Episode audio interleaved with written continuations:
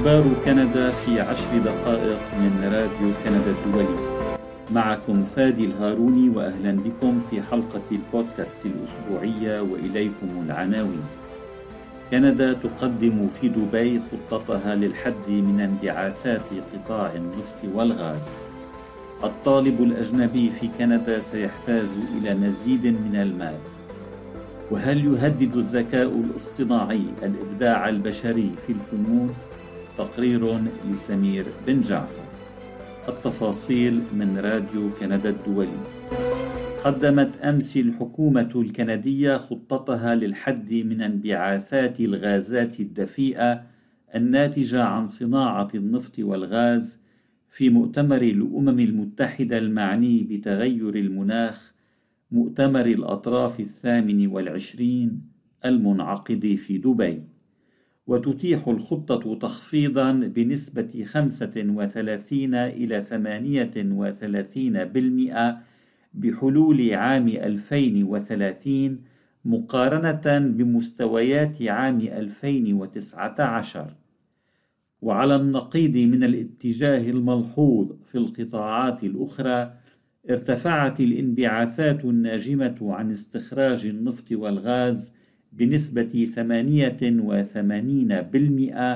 منذ عام 90 ولكي تتمكن الحكومة الفيدرالية من تحقيق هدفها المناخي بحلول نهاية العقد الحالي أعلنت العام الماضي أن قطاع النفط والغاز يجب أن يخفض انبعاثاته بنسبة 42% عن مستويات عام 2019 كان هذا تحليلا اقتصاديا بحتا ولم يأخذ في الاعتبار القدرة التقنية لتحقيق هذه الأهداف. قال وزير البيئة والتغيرات المناخية الكندي ستيفن جيلبو.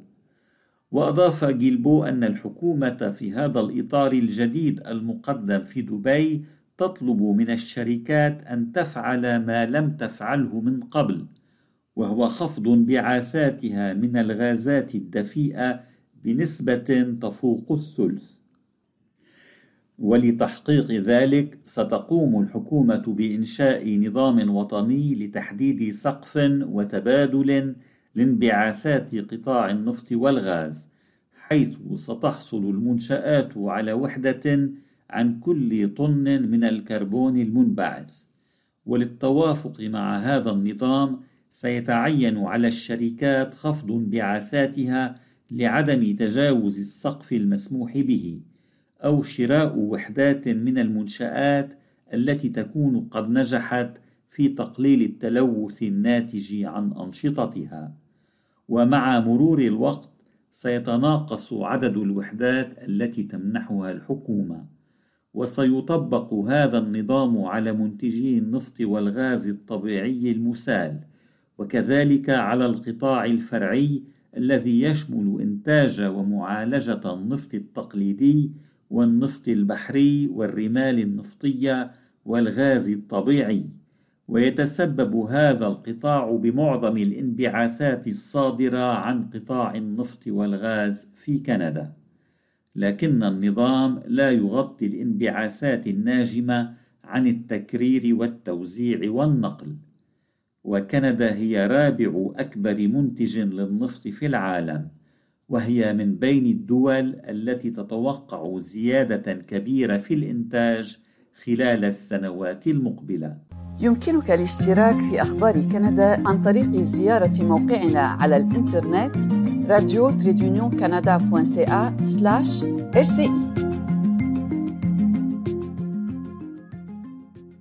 أعلن أمس وزير الهجرة واللاجئين والمواطنة الفيدرالي مارك ميلر أن الحكومة ستطلب من الأجانب الذين يطلبون تصريحا لمتابعة الدراسة في كندا أن يكون في حوزتهم ضعف المبلغ المطلوب حاليا. وهدد ميلر بوضع سقف لعدد تأشيرات الدراسة في المقاطعات التي لا تساعد الطلاب الأجانب في العثور على سكن مناسب أو التي لا تغلق مؤسسات تعليمية ينبغي لها حسب قوله ألا تعمل بعد الآن. وقال ميلر إن الحكومة حريصة على ضمان عدم استغلال الطلاب الدوليين من قبل أصحاب أعمال محتالين ومؤسسات تعليمية عديمة الضمير على حد قوله. تجعلهم غير قادرين على تحمل تكاليف الحياة في كندا.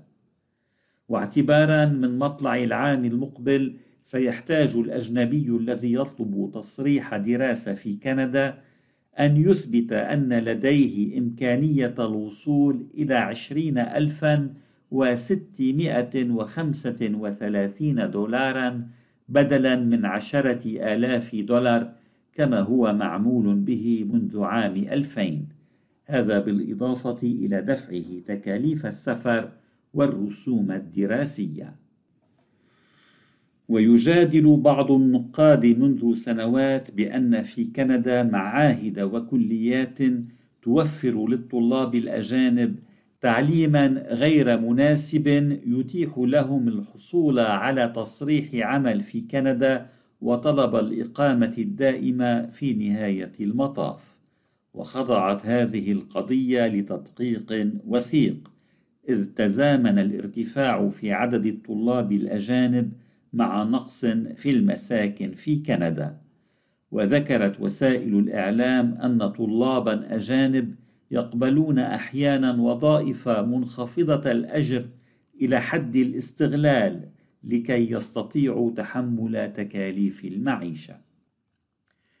أعلن بنك كندا يوم الأربعاء إبقاءه معدل الفائدة الأساسي عند مستواه البالغ خمسة بالمئة وهذه المرة الثالثة على التوالي التي يختار فيها المصرف المركزي الإبقاء على هذا المؤشر المرجعي دون تغيير. وأوضح البنك أن تباطؤ الاقتصاد يقلل من الضغوط التضخمية على مجموعة متزايدة من السلع والخدمات. أنت تستمع إلى البودكاست الأسبوعي من راديو كندا الدولي. الذكاء الاصطناعي والإبداع الفني موضوع نقاش في جامعة مونريال. هل يهدد الذكاء الاصطناعي الإبداع البشري في الفنون؟ للإجابة على هذا السؤال نظمت كلية العلوم بجامعة مونريال ندوة حول هذا الموضوع. وقد أدار الاجتماع الذي عقد يوم الثلاثاء الماضي وكان مفتوحا لمجتمع الجامعة والجمهور كريم الجربي أستاذ علم الأعصاب الحوسبي ومدير المركز الكيبيكي للأبحاث في الذكاء الاصطناعي العصبي. وبدأ هذا الأخير الأمسية بطرح بعض الأسئلة على الحاضرين والتي كانت عليهم الإجابة عليها مباشرة من خلال استطلاع عبر الإنترنت. ومن بين حوالي 100 شخص حاضر أجاب 75 من المشاركين في الاستطلاع أنه سبق لهم أن استخدموا أداة ذكاء اصطناعي توليدي مثل تشات جي بي تي وتجدر الإشارة هنا إلى أن هذا الاستطلاع ليس علميا لكنه سمح لمنشط الندوة من جذب انتباه المشاركين. ويعتقد 58% من المشاركين أن الذكاء الاصطناعي مجرد أداة إبداعية وأنه ليس إبداعا في حد ذاته. وفي حديثه عرف كريم الجربي الذكاء الاصطناعي التوليدي. L'IA générative, elle, elle vise à produire des éléments qui n'existaient pas auparavant. Elle s'appuie sur des ensembles de données qui existent déjà, mais pour apprendre à partir des données existantes, pour générer de nouvelles créations qui imitent ou qui s'inspirent de ces données originales. يهدف الذكاء الاصطناعي التوليدي إلى إنتاج عناصر لم تكن موجودة من قبل إنه يستفيد من مجموعة البيانات الموجودة للتعليم وإنشاء إبداعات جديدة تحاكي تلك البيانات الأصلية أو تستمد الإلهام منها كما قال كريم الجربي أستاذ علم الأعصاب الحوسبي بجامعة مونريال. وتساءل هذا الأخير عما إذا كان ذلك في النهاية مرادفا للذكاء الاصطناعي الإبداعي وبالتالي للإبداع الذي يأتي من الآلة أو الذكاء الاصطناعي. وفي تدخله أعطى مثالا عن عمل فني أنتجه باستخدام أداة الذكاء الاصطناعي التوليدي DALL-E. وتساءل عما إذا كان لهذه القطعة الفنية قيمة فنية في أعيننا ونود النظر إليها في متحف أو الحصول عليها لوضعها في المنزل على سبيل المثال. وهناك مزيد من التفاصيل حول هذا الموضوع في تقرير الزميل سمير بن جعفر على موقعنا. حلقة البودكاست لهذا الأسبوع انتهت. شكرا لإصغائكم.